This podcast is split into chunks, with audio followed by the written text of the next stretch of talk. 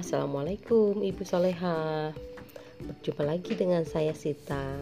Nah di episode kali ini saya ingin membahas uh, beberes versus decluttering.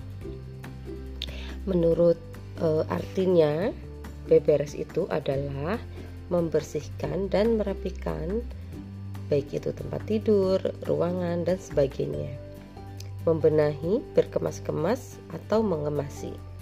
Sedangkan decluttering itu adalah suatu cara atau kegiatan menyingkirkan barang yang tidak digunakan sehingga hanya menyimpan barang yang memang dibutuhkan sehari-hari.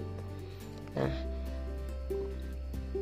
dari kegiatan beberes itu ada perbedaan yang e, jelas dengan decluttering dari segi beberes itu bertujuan supaya terlihat lebih rapi atau bersih. Yang kedua, tidak melibatkan emotional attachment dalam pengerjaannya.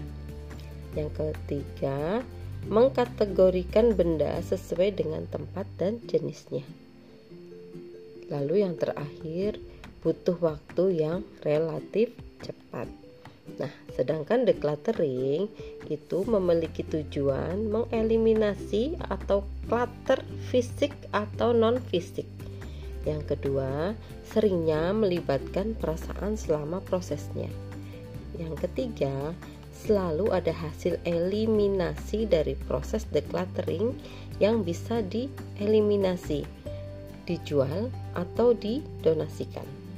Yang keempat, butuh waktu yang lebih lama.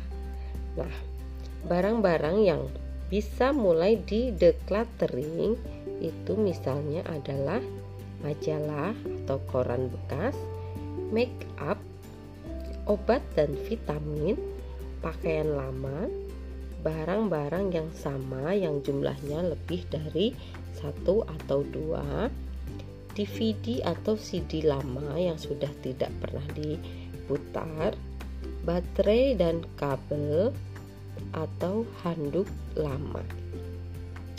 Nah, itulah perbedaan uh, yang jelas antara beberes dan kegiatan decluttering.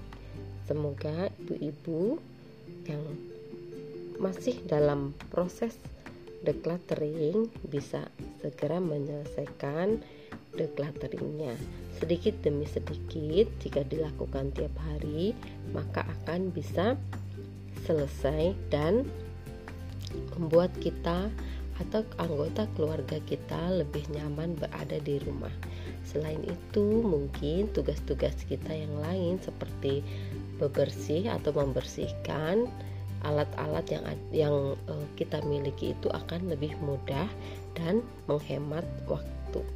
Karena barang-barang yang ada di rumah kita jumlahnya hanya sedikit atau terbatas.